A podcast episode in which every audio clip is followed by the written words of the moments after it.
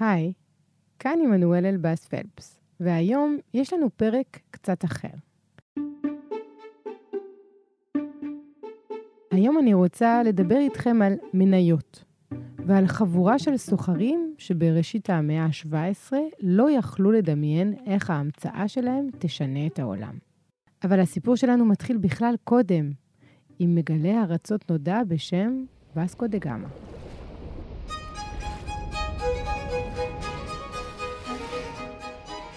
בסוף המאה ה-15 שלח מלך פורטוגל את וסקו דה גמא למשימה גורלית. להגיע מאירופה להודו דרך הים בפעם הראשונה בהיסטוריה. מסע אחד להודו, חשוב להבין, הוא פי שש יותר ארוך מהמסע הכי ארוך שהיה באירופה לפני זה. דה גמא ועוד ארבע ספינות, שעליהן 170 מהמלאכים והנווטים הכי טובים בכדור הארץ, נשלחו להקיף את אפריקה כדי להגיע להודו. ודה גמא הצליח.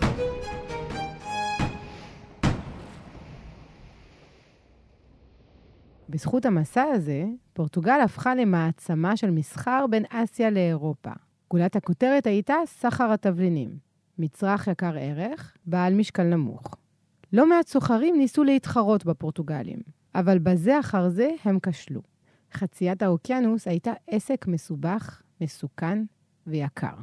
באותן שנים, חלק גדול מהספינות לא השלימו את המסע המפרך, חלק טבע במצולות, והספינות שכן השלימו את מסען, חזרו עם הרבה פחות מלאכים חיים מאלו שיצאו לדרך. הפורטוגלים שלטו במסחר עם אסיה במשך מאה שנה, עד שקבוצה של סוחרים אנגלים הבינה שכדי לנצח את הפורטוגלים צריך להמציא משהו חדש. הם פנו לציבור והציעו לו להשקיע כסף כדי לממן את המסעות תמורת חלק מהרווחים. וכך בא לעולם שוק ההון. עשו את זה בתשלומים קצת כדי להקל על האנשים שלא ייבהלו יותר מדי, והרעיון הבסיסי היה, אתם משקיעים, לפי גובה ההשקעה, כך תקבלו חלק מהרווח. כך נולד הרעיון של, קודם כל, חברה למטרות רווח, ודבר שני, הרעיון של דיבידנד, דבר שלישי, הרעיון של מניה. שנתיים אחרי האנגלים, ב-1602, התאגדה קבוצת סוחרים הולנדים ויזמה מהלך דומה.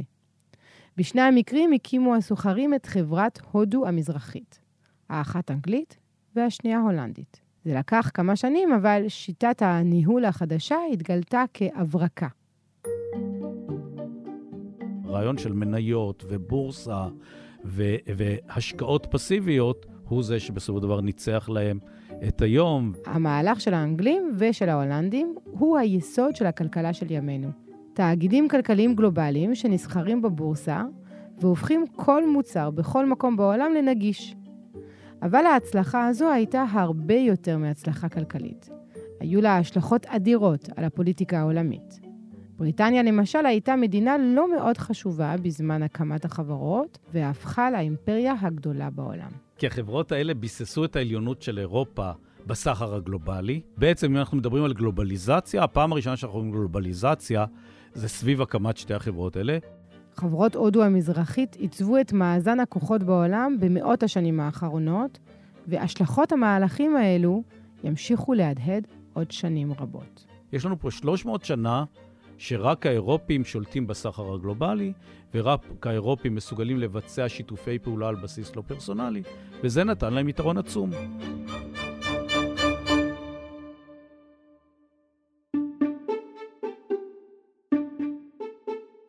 בפרק הזה של חוץ לארץ, אנחנו מארחים את פרופסור רון חריס. ביחד איתו ננסה להבין איך קמו שני התאגידים ששינו את העולם. למה הרעיונות שלהם מעצבים את חיינו עד היום? ולמה דווקא אנגליה והולנד הצליחו להצמיח תאגידים שבשיאם החזיקו צבאות פרטיים שעלו בגודלם על צבא מדינת הלאום שלהם? שלום לפרופסור רון חריס, היסטוריון משפטי-כלכלי מהפקולטה למשפטים באוניברסיטת תל אביב. שלום, עמנואל. אז אתה גם מחבר הספר Going the Distance, שעוסק בדיוק בדברים שאנחנו רוצים לדבר עליהם היום. אז בואו נתחיל עם שאלה ראשונה די כללית. מה קרה ב-1600 ו-1602, שיצר בעצם גם את שוק המניות וגם את התאגידים, במידה רבה כפי שאנחנו מכירים אותם היום? בגדול, מה שקרה סביב אותן שנים זה שהאנגלים וההולנדים רצו להיכנס לתוך הסחר ארוך הטווח עם אסיה, דרך כיף התקווה הטובה, להתחיל להתחרות בפורטוגזים. הפורטוגזים היו האירופים הראשונים שמצאו את הדרך לאסיה מסביב לאפריקה. וסקו דה גמא גילה את הדרך כבר ב-1497, ופחות או יותר במשך 100 שנה הפורטוגזים היו היחידים שהגיעו לאסיה בדרך הזאת. הם התחילו לבנות לעצמם בסיסי סחר ובסיסים אה, צבאיים, אה, ימיים, במקומות שונים באסיה. והאנגלים וההולנדים ראו שהסחר עם אסיה יש לו פוטנציאל גדול, יש הרבה מוצרים אסייתיים, בעיקר מוצרים, מה שנקרא בעלי ערך גבוה ומשקל נמוך, כמו תבלינים, שיש להם ביקוש גדול באירופה, והם רצו להתחיל להתחרות בפורטוגזים, הם זיהו שהאימפריה הפורטוגזית קצת נחלשת. והתחילו לחפש דרך להשתלב בסחר ולקחת אותו מהפורטוגזים, שהלכו בהתחלה ספינות בודדות, רק להכיר את הדרך, לנווט, ניסו בחלק מהמקרים למצוא נתיבים חדשים, נגיד מצפון לאירופה, עד שהם נתקעו בקרחונים הארקטיים, מצפון ליבשת אמריקה. ראו שגם שם הם לא מצליחים להגיע, אז הם הבינו שהם צריכים להשתמש באותן דרכים כמו הפורטוגזים ולהתחרות איתם ראש בראש. וכדי לעשות את זה יותר טוב, הם התחילו להתארגן. הם ניסו לארגן כמה ספינות יחד. בהולנד הקימו מה שנקרא חברות לטווח קצר. משהו לא עבד שם בארגון, לא היה להם מספיק כסף, לא הייתה להם מספיק יכולת ניהול של העסק הזה. וגם האנגלים וגם ההולנדים, האנגלים ב-1600, ההולנדים ב-1602, עיצבו צורה ארגונית חדשה שנקראת החברה העסקית בעלת הון המניות. מי שיוזם את כל תה, התהליך זה סוחרים פרטיים. בהרבה מקרים זה סוחרים שכבר קודם עסקו במסחר עם יעדים אחרים. נגיד, הרבה מהאנגלים שיזמו את הקמת חברת הודו המזרחית האנגלית בשנת 1600, קודם לכן סחרו עם מה שנקרא הלבנט, מזרח הים התיכון, קנו שם מוצרים הודים, סחרו עם רוסיה וקנו ברוסיה מוצרים מאסיה. והם הגיעו למסקנה שהפורטוגזים מביסים אותם על ידי זה שהם מגיעים דרך האוקיינוס, וגם הם צריכים להסיט את הנתיבי סחר שלהם, במקום להגיע באופן עקיף דרך תחנות ביניים להודו, להגיע ישירות להודו ולדרום-מזרח אסיה. אה, ואז הם פנו למלכה, אליזבת הראשונה, מלכת אנגליה, מלכה שכיהנה הכי הרבה שנים עד, אני חושב, אליזבת השנייה. אליזבת לא כל כך התלהבה מהרעיון, היא בדקה אם זה טוב לה מבחינת היחסים עם פורטוגל ועם ספרד ועם צרפת.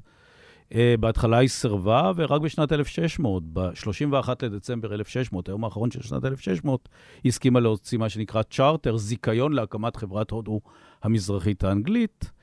והזיכיון הזה היה סוג של הסכם בין הסוחרים הפרטיים לבין המלכה. הם ידאגו לתת לה מספיק תמורה בכסף, במיסים, בשירותים. היא תיתן להם מונופול להרבה שנים על כל הסחר אה, בעצם בכל האוקיינוס ההודי ובכל האוקיינוס השקט, מכיף התקווה הטובה עד מיצרי מגלן. נוצר הדיל הזה, ובעקבותיו הם היו צריכים לגייס את הכסף. וכדי לגייס את הכסף הם התחילו לחפש עוד משקיעים, אה, והתחילו בתהליך שהוא הראשית של הלידה של שוק הון. אז איך זה עבד, החברה ההודו המזרחית האנגלית? קודם כל, הם לקחו שני רעיונות נפרדים. אחד זה התאגיד. הרעיון של תאגיד כאישיות משפטית נפרדת מבחינה משפטית היה קיים כבר כמה מאות שנים קודם. נגיד, בכנסייה הקתולית אפשר למצוא רעיונות של תאגיד. הרבה ערים היו מאוגדות כתאגידים, אוניברסיטאות היו מאוגדות כתאגידים, אה, גילדות, אבל כל זה היו לא תאגידים למטרות רווח ולא היו תאגידים שמגייסים הון מניות. אז הרעיון של תאגיד כאישות משפטית, כפלטפורמה משפטית, היה קיים. הם לקחו רעיון קיים והלבישו עליו רעיון פיננסי חדש, שאומר, אנחנו ננפיק מניות לציבור, נזמין את הציבור לחתום על המניות, אה, ומי שחותם על מניה צריך לשלם על המניה, בדרך כלל בכמה תשלומים, לא בתשלום אחד. אז עשו את זה בתשלומים קצת כדי להקל על האנשים שלא ייבהלו יותר מדי. וה, והרעיון הבסיסי היה, אתם משקיעים, לפי גובה ההשקעה, כך תקבלו חלק מהרווח. כך נולד הרעיון של, קודם כל, חברה למטרות רווח, ודבר שני, הרעיון של דיבידנד. דבר שלישי, הרעיון של מניה. עכשיו, כדי לעזור לאנשים להשתכנע שהם... להשקיע את הכסף הזה, וסך הכל אנחנו מדברים פה, השינוי הגדול שבעצם מבקשים ממשקיעים פסיביים להשקיע. זה לא שהסוחרים באים לעשות בעצמם את העבודה ולהשקיע את הכסף, כמו בשותפויות שהיו קודם או דברים אחרים, אלא אתם מבקשים מאנשים שיישארו בלונדון, שלא עסקו קודם בסחר בכלל, שיבואו וישקיעו כסף באופן פסיבי. מה נותנים להם בתמורה? נותנים להם זכות להצביע. אז מקימים אספה כללית של כל המשקיעים, והם יוכלו להצביע ועל חלק מה, מההחלטות להשפיע באספה הכללית. בהדרגה האנשים האלה מבקשים גם מידע. היזמים לא הבינו את זה, אבל בהדרגה הם ראו, גם באנגליה, גם בהולנד, שמי שהשקיע רוצה לדעת מה קורה, איזה ספינות יצאו, האם הם הגיעו בשלום להודו, מה הם קנו בהודו, מתי הם צפויות לחזור, כמה סחורה תהיה להם, בכמה זה עלה שם, כמה נמכור את זה פה. התחילו לבקש מידע, ולאט לאט התפתח הרעיון שחברה צריכה לדווח לבעלי המניות שלה על הפעילות שלה. והמרכיב השלישי, וזה קשור למה ששאלת עליו קודם, התפתחות שוק המניות, אמרו לאנשים, בואו תשקיעו. בהתחלה אמרו להם, בואו תשקיעו במסע אחד. מסע אחד להודו, חשוב להבין, הוא פי שש יותר ארוך מהמסע הכי ארוך שהיה באירופה לפני זה. נגיד, אם נסעו מאנגליה לביירות או ליפו, זה היה 1,000-1,500 מיילים ימים. אם נסעו מהולנד לקצה הים הבלטי, נגיד לסנט פטרסבורג, זה היה משהו כזה. לחצות את האוקיינוס האטלנטי, אנחנו מדברים על 3,000, 3,500 מיילים. לנסוע לסין זה 12,000 מיילים. פי 4, פי 5 יותר מכל מה שהיו רגילים. אנשים הבינו שכבר זה כשלעצמו דורש מהם לסגור את הכסף לשנתיים, שלוש, ארבע. כלומר, הנסיעה הלוך חזור תהיה כן. לפחות בין שנתיים לארבע שנים. כן, כי קודם כל זה מרחק גדול. דבר שני, באסיה יש את משטר המונסונים. לא בכל עונה אפשר להפליג לכל כיוון. אתה, יש חלונות מאוד קטנים שבהם אפשר להפליג, ואז באותה שנה אי אפשר לעשות את הלג הבא, את הקטע הבא של ההפלגה, ובטח שאי אפשר לחזור באותה שנה. אז אנחנו מדברים על כבר שלוש-ארבע שנים למסע. אה, וגם זה, אנשים לא היה להם קל להיפרד מהכסף לשלוש-ארבע שנים, ואחרי זה או לפגוש אותו או לא לפגוש אותו בסוף. אה, לאט לאט הבינו, וההולנדים הבינו את זה עוד לפני האנגלים, שזה לא מספיק, שצריך ליצור משהו שהוא יותר קבוע. שצריך כל שנה אחרי שנה לשלוח ספינות, כמה ספינות כל שנה, להקים בסיסים קבועים, נגיד בגואה ובקוצ'ין, ואחרי זה בבומביי, אה, ולהקים אה, אה, בסיסים קבועים במה שהוא היום אינדונזיה, ולהקים בסיסים קבועים באזורים, נגיד, שהם היום נמלים בסין או ביפן. וכשרוצים להקים בסיסים קבועים, שיהיו בהם נציגים קבועים, ויהיו בהם מחסנים קבועים, ויוכלו באופן שוטף לקנות מוצרים, אז זה כבר לא עסק למסע אחד. ואז התחילו לגייס הון ל-15, 21 שנה, ובסוף, אחרי כמה עשרות שנים, הבינו שהרעיון הכי נכון זה שכסף שמושקע בחברה, אי אפשר למשוך אותו חזרה, אלא אם כן החברה מתפרקת. בעצם מה שנקרא הון מניות קבוע נוצר. אה, זה הכל תהליך של ללמוד תוך כדי עשייה. זה לא שבשנת 1600 או 1602 הם ידעו איך לבנות את המודל הזה. לקח להם כמעט עד סוף המאה ה-17 להגיע למודל שהוא דומה יחסית לאיך שאנחנו מכירים אותו היום, אה, בכל המאפיינים האלה. שיש אספת בעלי מניות, שיש דירקטורים קבועים שנבחרים על ידי אספת בעלי מניות, שיש הון מניות משותף, שכמה שהשקעת זה כמה שיש לך זכות הצבעה, וכמה שהשקעת זה כמה שתקבל דיבידנד, אה, שיש דיווחים תקופתיים לבעלי המניות. ו, וזה מתחבר לעניין של אה, שוק ההון, שאם משהו לא נראה לך, אתה צריך את הכסף למשל, אתה לא אוהב את המנהלים, אתה יכול למכור את המניה. עכשיו, בהתחלה, איפה מוכרים את המניה? באיזה בית קפה. ובהדרגה, העסק הופך ומתמסד, מי במקום לחפש איזה חבר'ה שאתה שותה איתם קפה ואתה שואל אותם אם הם מוכנים לקנות ממך את המניה, מתמסד איזה מקום קבוע, בניין קבוע שבו מוכרים וקונים מניות, כמו שקונים ומוכרים תבואה ומוכרים וקונים אה, אה, מטבעות כסף, אז גם התחילו לסחור במניות. ואחרי זה עשו הפרדה, ואז קמה הבורסה הראשונה בעולם. באמסטרדם הייתה בורסה כזאת, ובלונדון הייתה בורסה כזאת.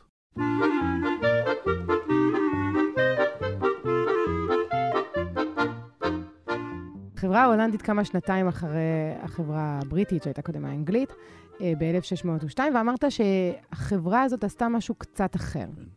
ההולנדים נכנסו עוד לפני האנגלים לעסק הזה של אה, סחר. הם היו סוחרים אה, מאוד מוצלחים באירופה, זה היה ערב תקופת הזוהר שלהם. היו להם ספנים, היו להם נווטים, הם הפליגו אה, לצפון האוקיינוס האטלנטי לצורכי דייג, הם הפליגו לים הבלטי, הם אחרי זה התחילו להפליג אה, ליבשת אמריקה. היה להם הרבה ניסיון והרבה שאיפות, והם התחילו לפני האנגלים, אבל הולנד הייתה אז, או הרפובליקה, ה-Dutch Republic, הייתה פדרציה בין מחוזות, כשכל מחוז היה איחוד של כמה ערים. אז בהולנד התחילו את הכל ברמה של העיר, לא ברמה הלאומית, אלא ברמה של העיר. אז כל עיר הקימה חברה משל עצמה. לאמסטרדם הייתה חברה, לרוטמדם הייתה חברה, לחורן הייתה חברה וכך הלאה. אה, הגיעו למצב שבו בשלב מסוים, בסביבות שנת 1600, היו 21 משלחות הולנדיות שונות ב... אה, באסיה, באוקיינוס ההודי, שנשלחו על ידי ערים שונות, ובאיזה שלב ההולנדים הבינו שהם מתחרים אחד בשני במקום להתחרות באנגלים, ואז עלתה הצעה לאחד את כל החברות של הערים השונות, ומה שאנחנו רואים ב-1602 זה החברה ההולנדית המאוחדת. לפניה היו חברות עירוניות ב-1602 נוצרת החברה המאוחדת, והיא בנויה קצת אחרת מחברה אנגלית, כי כמו שהולנד הייתה פדרציה, גם החברה ההולנדית הייתה פדרציה. היא הייתה מורכבת משש לשכות, שכל אחת מהן מייצגת עיר אחרת. חלק מהפעילות הייתה ברמה העירונית, חלק הייתה ברמה של החברה המאוחדת. היה דירקטוריון של 17 האדונים שניהל את כל החברה המאוחדת, אבל נגיד גיוס ההון היה ברמה של כל עיר בנפרד. גם, עוד... גם עבד בדרך מניות? כן, ההולנדים עוד היו יותר זריזים מהאנגלים, היו יותר מתקדמים מהאנגלים מבחינה פיננסית בתקופה הזאת. ההולנדים היו הראשונים שהקימו בורסה. הם הקימו את הבורסה שלהם לצורך מלחמת העצמאות בספרדים. בעצם לא לצורך מסחר, אלא לצורך מה שנקרא מימון של המלחמה, מימון של המדינה ההולנדית. הם הנפיקו איגרות חוב וקראו לאנשים, תשלמו לנו על איגרות החוב, תלוו לנו המדינה כסף כדי שנוכל להילחם בקתולים הספרדים, ואנחנו מתחייבים ב- לשלם לכם ריבית על אגרות החוב, ובסופו של דבר גם לפרוע את החוב. אם אז... וכאשר ננצח במלחמה? כן, כן, כן. וההולנדים היו די אופטימיים כנראה אז, והם די ניצחו את הספרדים האבסבורגים בתקופה הזאת. מה עשו מדינות ב- בתקופה הקדם-מודרנית? בעיקר מלחמות.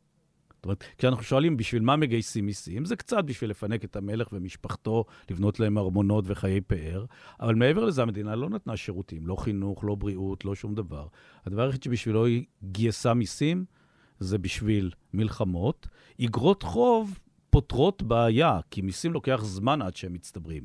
יוצאים למלחמה, מגייסים הרבה אגרות חוב, ולאט לאט מחזירים אותן בעזרת המיסים. זה פטנט, זה בעצם המהפכה הפיננסית שההולנדים התחילו אותה מ-1580, 1590, אז הם הגיעו ל-1602 כבר די מוכנים עם זה שהייתה להם תשתית פיננסית, סוג של בורסה, לאגרות חוב, ועכשיו השתמשו בה גם כדי למכור ולקנות במניות. כדי להצליח לקחת מלווה מהאזרחים, מלווה, מה שנקרא וולונטרי, האזרחים צריכים להאמין בממשלה. זאת אומרת, אה, מדינה לא אמינה, אנשים לא ילוו לה כסף. היא יכולה לקחת כסף בכוח, במיסים. היא יכולה לזה, לקרוא לזה מלווה חובה. היו מדינות שקראו לזה, אבל מלווה חובה זה כמו מיסים.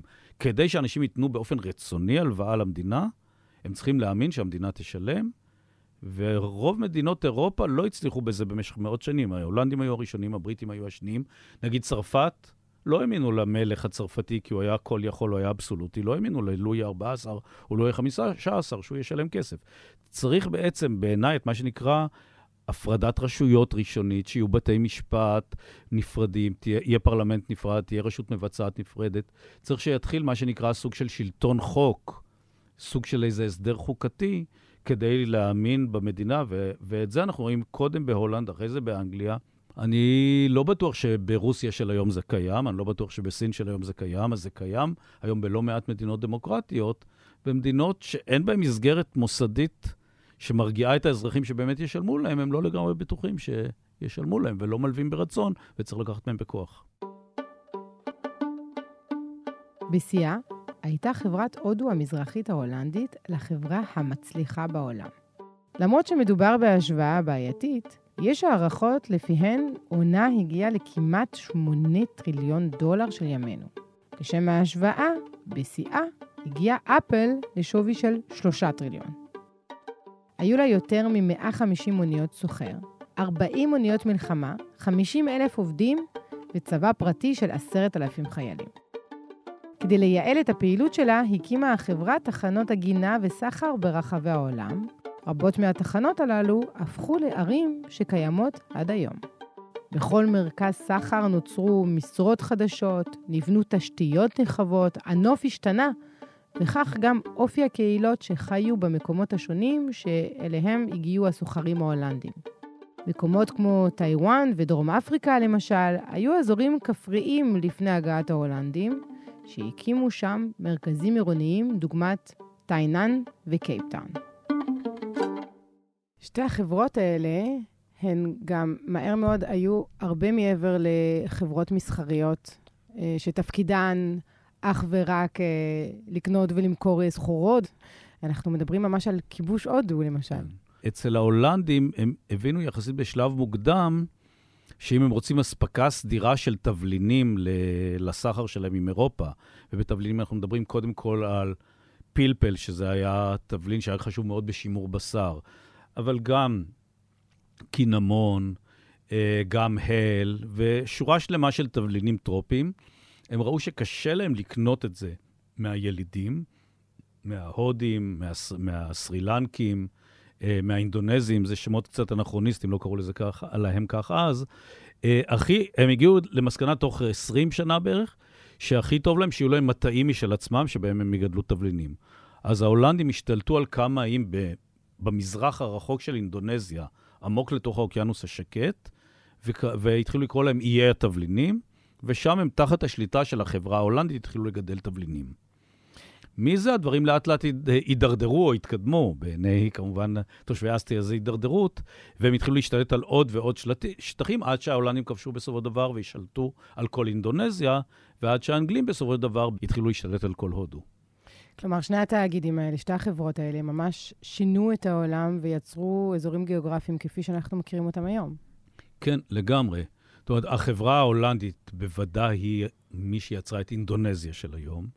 היו איים שונים בדרום-מזרח אסיה, ששלטו בהם מלכים ושליטים שונים, חלקם מוסלמים, חלקם הינדים, חלקם לא זה ולא זה.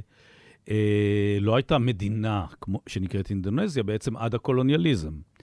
וגם בהודו, המוגלים, אה, שהיא שושלת מרכז אסייתית, פרסית, שלטה בצפון הודו, בדרום הודו היו כל מיני ממלכות אחרות.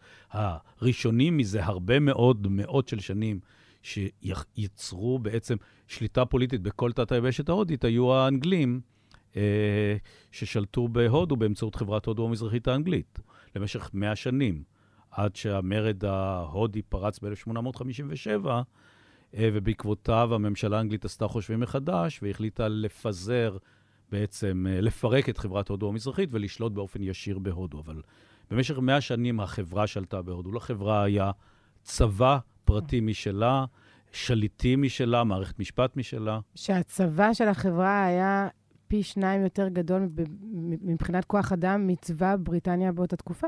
אה, נכון, הודו הייתה מה שנקרא היהלום שבכתר, והיא לא סתם הייתה היהלום שבכתר, היא קודם כל שלטה, אה, מי ששלט בהודו שלט ביותר תושבים בהרבה יותר מאשר בבריטניה עצמה, ובהרבה יותר מאשר בכל האימפריה הבריטית, בעיקר אחרי שהבריטים איבדו את 13 המושבות שהפכו לארצות הברית, אז הודו הייתה הנכס הכי גדול שלהם. וגם כשהם השתלטו בהדרגה על, uh, כשהם הפכו, הקימו מה שנקרא את החברה הבריטית השנייה, התחילו להשתלט על שטחים באפריקה, על אוסטרליה, על קנדה, עדיין הודו מבחינת תושבים הייתה בי פאר העיקר של האימפריה הבריטית. אה, והבריטים ניצלו את הודו, גם אה, גבו מיסים בהודו. אם דיברנו על זה שגובים מיסים לצורכי מלחמות, אז במקרה הזה האנגלים גבו מהתושבים הילידים של הודו מיסים כדי להחזיק את הצבא של חברת הודו המזרחית. אה, ואחרי 1857 קראו לזה צבא הודו, שהיה כפוף לממשלת הודו, בעצם לא לממשלת בריטניה ישירות, לממשלת הודו. והצבא הזה, כשהבריטים היו צריכים צבא יבשה גדול לנהל מלחמות, אפילו באפריקה נגיד, בשלהי המאה ה-19, לקחו צבא מהודו ושלחו אותו כצבא משלוח לאפריקה לנהל מלחמות אה, באתיופיה, במזרח אה, אפריקה, באפגניסטן. זאת אומרת, הצבא ההודי, בפיקוד בריטי, במימון בפועל על ידי הנתינים ההודים, היה לב הצבא האימפריאלי הבריטי.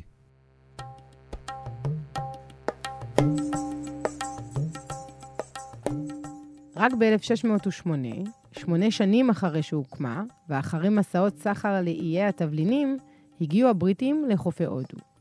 באותן שנים ההולנדים כבר סחרו בצורה משמעותית עם תת היבשת, והפורטוגלים עשו זאת כבר יותר ממאה שנה. מעל כל אלו, בהודו שלטה באותה תקופה האימפריה המוגולית החזקה והמשגשגת. הבריטים הבינו שיהיה להם קשה להתחרות בסחר התבלינים, והחלו לעבור אט-אט אל פנים הודו ולהתמקד בסחר של כותנה, משי ותה. הם ביססו מערכת של הסכמים עם האימפריה המוגולית, וכשהם נהנים מחסות השלטון, החלו לבנות מחסנים ונקודות מסחר בהודו. בהמשך, הם בנו מצודות כדי להגן על האינטרסים שלהם, ולאט לאט החברה החלה להגדיל גם את הצבא הפרטי שלה ולהפוך לכוח דומיננטי.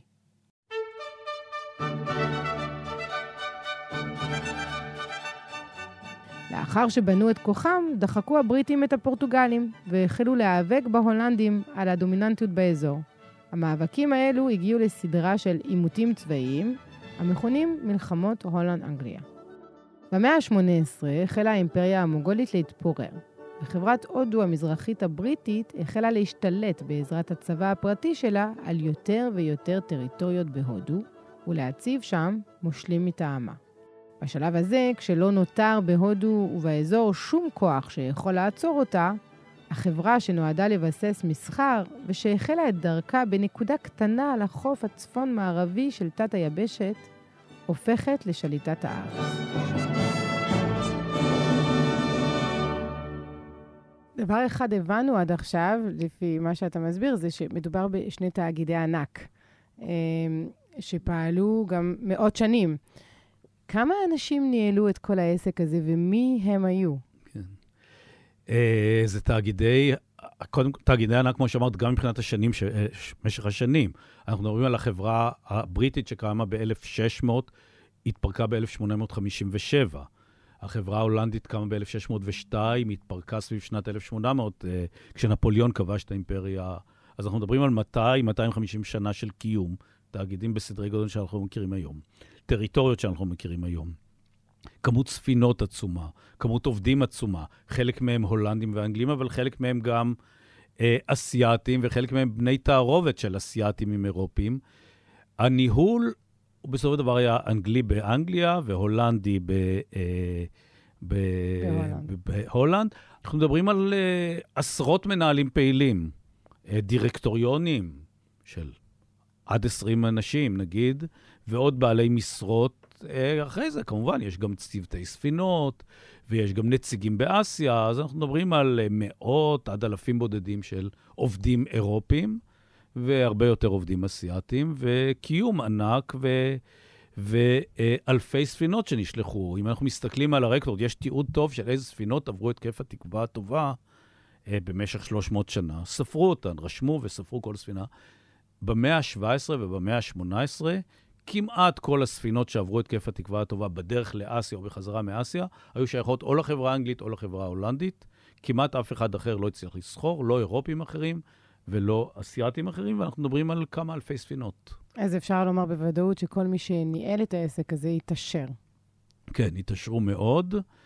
אה, מניהול, אה, גם כל מי שהחזיק מניות התעשר, היו גם שנים קשות בהתחלה לשתי החברות, אבל עם הזמן אה, הסחר התבסס, הסיכונים ירדו והרווחים עלו, בגדול. אה, וגם זו תופעה שבעצם אה, נובעת מבעיה מסוימת. החברות התקשו לשלוט על העובדים שלהם באסיה. כשאנחנו מדברים על משהו שנמצא במרחק של שנתיים נסיעה מלונדון או מאמסטרדם, אתה לא באמת יודע מה הנציגים שלך, מה העובדים שלך באסיה עושים. אתה מנסה לפקח עליהם בכל מיני דרכים. החברות ניסו לבנות מנגנוני פיקוח. מנגנוני פיקוח זה למשל שאנשים יעבירו חשבונות על כל מה שהם עשו. אפשר לזייף חשבונות, אבל צריך לעשות את זה חכם כדי שלא יתפסו אותך. באותה וחוץ... תקופה אתה לא עושה את זה עם פוטושופ. כן, לא עם פוטושופ, ואתה צריך משהו שהוא מספיק הגיוני, שיתאים לנתונים הכלליים. עכשיו, אה, אה, מה שהחברות האלה עשו, גם הם ביקשו מכל הנציגים שלהם להעביר להם דיווחים גם על הנציגים האחרים. בעצם להלשין אחד על השני. אז ככה הם יכלו לעשות הצלבות עם מה שא' אמר ומה שב' אמר תואם. אם לא, אז אחד מהם כנראה משקר. אה, והרבה פעמים לסוכנים היה עניין להגיד, אנחנו קנינו סחורה מסוימת ביוקר ולא בזול.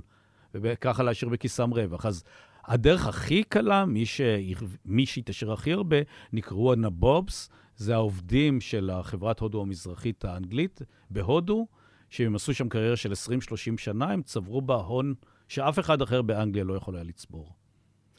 והם הסתירו חלק גדול ממנו אה, כי הוא לא היה חוקי.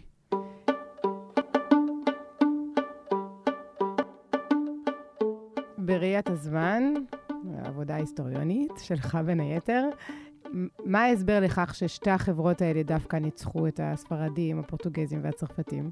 הטענה שלי בספר, שהזכרת בפתיחת השיחה, היא שהם הצליחו לנצח בגלל שהם היו חדשים מבחינה ארגונית. והם היו חד, חז, חדשנים מבחינה ארגונית בגלל שהם הגיעו אחרונים, והיה להם הכי קשה, והם הגיעו הכי מרחוק, אז הם היו צריכים להיות יותר יצירתיים, להיות חדשנים מבחינה ארגונית, נגיד מה שהפורטוגזים לא עשו. או מה שההודים לא עשו, מה שהסינים לא עשו. כלומר, לא הספינות עצמן, לא כוח אדם, אלא ממש ארגון הזה של חברה עם משקיעים אנונימיים ומניות. כן, זאת הטענה שלי, להיות הוגן, לא כולם חושבים כמוני. יש כאלה, כשבאים להסביר למה זה המערב, נגיד, אה, ניצח את המוסלמים ואת ההודים ואת הסינים, אז הרבה נותנים הסברים שלמערב הייתה טכנולוגיה יותר טובה. הם ידעו לנווט יותר טוב, הם בנו ספינות יותר טובות. הם היו מוכנים להשתמש יותר באלימות, יותר במלחמות. אני אישית חושב שההסברים האלה לא עד הסוף משכנעים, במובן הזה שהאסייתים באותה תקופה לא היו יותר חלשים מהאירופים, והם היו, הכירו את האוקיינוס ההודי יותר טוב, והיו להם ספינות שיותר התאימו לאוקיינוס ההודי, וגם הם ידעו לנהל מלחמות, ובחלק מהמקרים אפילו ניצחו את האירופים. Uh, זה דבר ראשון, אז אני פחות משתכנע בהיבט הטכנולוגי ימי מלחמתי. דבר שני, ההיבט הזה לא מסביר למה דווקא אנגליה והולנד. כי הפורטוגזים היו ימאים טובים, אז כדי להסביר למה אנגליה והולנד, בעיניי חייבים לספק הסבר נוסף שלא חל על פורטוגל ועל ספרד ועל צרפת, וזה ההסבר של החדשנות הארגונית, וההסבר הזה, אה, האנגלים הצליחו ליישם אותו, אז הרי לא מספיק להכיר את הרעיון של חברה עם מניות, צריך את התנאים הפוליטיים והחברתיים והמוסדיים כדי להצליח. למשל, צריך בורסה, צריך הפרדת רשויות, דברים שאחרים לא יכלו לחכות, כי הם היו צריכים לוותר על שלטונם כדי לחכות. אז זה בעיניי ההסבר המוביל מדוע האנגלים וההולנדים הצליחו, כי להם הייתה את המסגרת שאפשרה, שחייבה חדשנות. ואפשרה חדשנות, והחדשנות הארגונית הזאת של הרעיון של מניות ובורסה ו- והשקעות פסיביות, הוא זה שבסופו של דבר ניצח להם את היום והפך אותם למובילים ולדומיננטים בסחר עם אסיה כל המאה ה-17 והמאה ה-18. אבל מאותו רגע שהמודל הזה של בורסה ומניות אה, אומצה על ידי האנגלים וההולנדים לשת, לש, לשימוש לשתי החברות האלה, הוא מודל שרואים אותו מתפשט ומתחיל אה, אה, להתאים את עצמו לצרכים אחרים? בדיוק, כן. לוקח קצת זמן. בהתחלה רואים שהמודל הזה מצליח בסחר ארוך טווח, אז מחקים אותו בסחר ארוך טווח. אה, מחקים אותו, נגיד, אה, בסחר עם האוקיינוס האטלנטי, הם מנסים לחקות אותו בסחר עם דרום אמריקה, אה, בעיקר בסחר עבדים. אז במאה ה-17 מחקים את המודל הזה בעיקר במסחר. אנחנו מגיעים למאה ה-18, דברים מתחילים להשתנות במהירות. עוד בסוף המאה ה-17 מקימים את ה-Bank of England, הבנק של אנגליה, שהופך להיות הבנק המרכזי הראשון בעולם. כבר אותו מקימים במודל של חברת מניות, ב- כמו שהזכרנו כאן. זה 1694. בתחילת המאה ה-18 מתחילים להשתמש במודל הזה להקמה של חברות תחבורה. למשל, אנגליה מתכסה ברשת של תעלות, כל מי שמטייל באנגליה רואה את התעלות האלה עד היום. התעלות האלה הוקמו כחברות בערבון מוגבל, סליחה, חברות מניות. ערבון מוגבל זו שאלה אחרת, כחברות מניות. אה, אחרי זה אנחנו רואים שמתחילים לקום עוד בנקים כחברות מניות, עוד חברות ביטוח כחברות מניות. כשמומצאת הרכבת ומנוע קיטור, כל, כל הרכבות מוקמות כחברות מניות. אז אנחנו רואים התפשטות של המודל מהסחר לעוד ועוד ועוד הקשרים. Uh, כשאנחנו מגיעים לסוף המאה ה-19, קשה לדמיין עסק גדול שהוא לא יהיה חברת מניות. פחות או יותר מסוף המאה ה-19, תחילת המאה ה-20, כל עסק גדול שאנחנו יכולים לחשוב עליו בעולם כבר מאורגן כחברת מניות. למה שתי החברות האלה היו כל כך חשובות בעליית המערב? Uh, אני חושב שאפשר לענות על זה משני כיוונים. כיוון אחד, כי החברות האלה ביססו את העליונות של אירופה בסחר הגלובלי, זאת אומרת, בעצם אם אנחנו מדברים על גלובליזציה, הפעם הראשונה שאנחנו רואים גלובליזציה זה סביב הקמת שתי החברות האלה, כשאותה פירמה, אותה חברה, אותו תאגיד, בעצם מעביר מוצרים מיבשת אמריקה ועד סין ועד יפן, זה משהו שלא ראינו אותו קודם.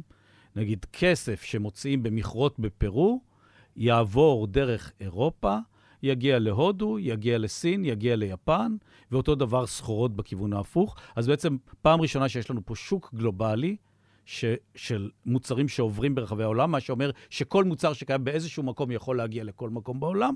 ודבר שני, זה גם משפיע על מחירים. לאט לאט פערי המחירים הולכים ומתכווצים, כשזה אחד הסממנים לשוק גלובלי. שאותו מוצר יימכר במחירים לא מאוד שונים במקומות שונים. ההפרש העיקרי יהיה עלויות ההובלה, נגיד, שלו. אז אנחנו מתחילים בזכות החברות האלה לראות פעם ראשונה שוק גלובלי שאירופים יצרו אותו, ולא סינים ולא הודים.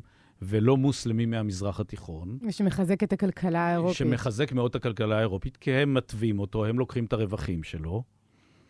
והדבר השני, אני חושב שהאירופים בנו את המודל הארגוני של החברה העסקית, שמאפשר שיתופי פעולה על בסיס לא פרסונלי, לא אישי. אם ההודים, או הסינים, או הפרסים, או הערבים, עשו עסק רק עם מי שהם הכירו אותו, וכשהם רצו לעשות עסק עם מי שהם לא הכירו אותו, הם עשו עסקאות חילופים במקום כזה, הם לא יכלו לעשות עסקאות מסובכות, לתת אשראי, להתחייב לספק סחורה עוד הרבה זמן, כי הם לא סמכו על מי שהם לא מכירים אותו. האירופים בפעם הראשונה הצליחו לבנות ארגונים עסקיים שיש בהם אלפי משקיעים שלא מכירים אחד את השני, ובכל זאת משתפים פעולה אחד עם השני בגלל המערכת הארגונית, המשפטית, המימונית שהם סומכים עליה. הם סומכים על המערכת, הם לא סומכים על בני אדם, אלא על המערכת המוסדית. האירופים היו הראשונים שעשו את זה. האירופים היו היחידים שעשו את זה עד סוף המאה ה-19. אין לנו תאגידים בשום מקום אחר בעולם, חוץ מבאירופה, עד סוף המאה ה-19. בסוף המאה ה-19 האימפריה העות'מאנית והאימפריה הסינית והיפנים מתחילים לחקות את זה, אבל יש לנו פה 300 שנה שרק האירופים שולטים בסחר הגלובלי, ורק האירופים מסוגלים לבצע שיתופי פעולה על בסיס לא פרסונלי, וזה נתן להם יתרון עצום. כמה היתרון הזה יחזיק מעמד בעתיד, צריך לראות מה קורה בסין. מצד אחד, סין נראית לנו מאוד מתפתחת בהרבה מאוד מובנים בעשרות השנים האחרונות. מצד שני, סין של היום לא פתרה, אם תשימו לב, חלק מהבעיות שדיברנו עליהן קודם, כמו היכולת של השלטון להתחייב באופן אמין, mm. אה, אה, לא לכבד התחייבויות. מה שראינו עם ג'ק מה, למשל, עם עלי בבא בשנתיים האחרונות, מראה ש... אה, הממשלה הסינית יכולה באופן חד-צדדי לשנות את כללי המשחק, וג'ק מה, או משקיעים סינים, או יזמים סינים דוגמים לו, מבינים שאין להם לגמרי ביטחון באיך אה, להתנהל מול הממשלה הסינית. אז סין הולכת רחוק, אבל במסלול אחר, ויהיה מאוד לעניין אם המסלול האחר הזה יכול להביא אותה הרבה יותר רחוק אה, מאשר המודל אה, של אירופה, שמחייב יותר שיתוף פעולה ויותר אמון ומגבלות על השלטון. The departure of the first contingent of British troops from the new Dominion of India was an historic event. The Governor General, Lord Mountbatten, was on Ballard Pier, Bombay, and here he inspected guards of honor from the three Indian services, mounted as a tribute to the work of the British services in India. וכשאני שואלת על, על תרומת החברות האלה לעליית המערב, אז אתה לא... אתה לא נותן גם חלק מההסבר, כיבוש טריטוריות לא מופיע שם, כי בעיניך זה, זה לא, לא חלק מהסיפור? לא, זה, זה בהחלט חלק מהסיפור. זה נכון שאני...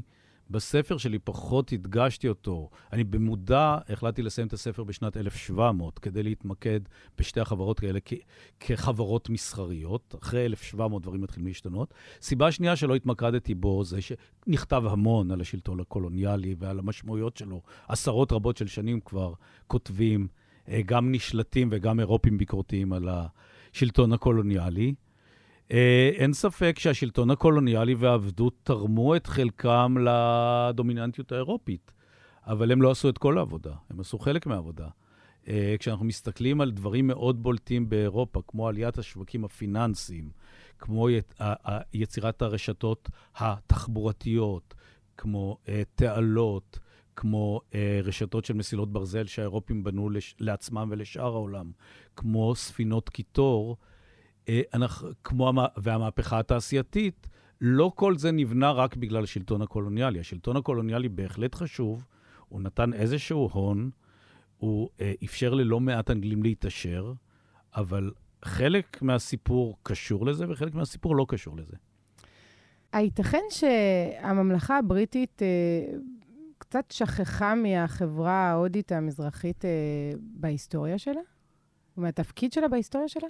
אני חושב שלאנגלים יש קצת בעיה, בזיכרון הקולקטיבי, נגיד, פח, פחות אולי בעיסוק של כמה היסטוריונים מקצועיים, אבל בזיכרון הקולקטיבי קשה להם עם המורשת של חברת הודו המזרחית האנגלית. בגלל מה? שזו מורשת קולוניאלית, אה, מורשת שהיום האנגלים די מתביישים בה בכל מיני מובנים, בטח חוגים מסוימים בפוליטיקה האנגלית, אבל, אבל אני חושב שזה די נפוץ, אה, גם המעורבות של האנגלים בסחר העבדים, גם המעורבות שלהם בשלטון קולוניאלי על תת היבשת ההודית, המלחמות, ההרוגים שהם גמרו באפריקה בעזרת קציר במכונות ירייה, קשה להם עם זה, והם אה, לא לגמרי יודעים איך לאכול את זה. מעניין שאצל ההולנדים, חברת הודו המזרחית ההולנדית מקבלת הרבה יותר נוכחות בזיכרון הקולקטיבי, מוציאים ספרים כדי לחגוג את ה-400 שנה להיסטוריה שלה, עושים עליה תערוכות. למרות שגם המורשת ההולנדית היא מורשת שקשה איתה, אה, כנראה שלהולנדים אין, יש פחות דברים להתגאות בהם. יש חברה אחת גדולה, אה, מאוד מוצלחת לכאורה, שהתקיימה הרבה שנים, אז איכשהו ההולנדים, אני חושב, נותנים לחברה שלהם הרבה יותר נוכחות בשיח העכשווי. האנגלים, הרבה פחות נוכחות לחברה שלהם. אה, באנגליה יש הרבה מהגרים מהודו ומפקיסטן, זה אולי גם משפיע על חלק מהשיח.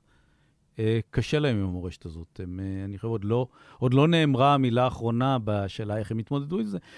אני בטוח גם שזה עובר פוליטיזציה, שחוגים פוליטיים מסוימים באנגליה ירצו להדגיש את החברה ואיך היא הביאה את הנאורות לשאר העולם, אה, ואחרים יגידו שצריך להתנצל על הפשעים ולפצות ולהחזיר מוצגים ממוזיאונים ודברים דומים. פרופ' רון חריס, תודה רבה לך. תודה רבה.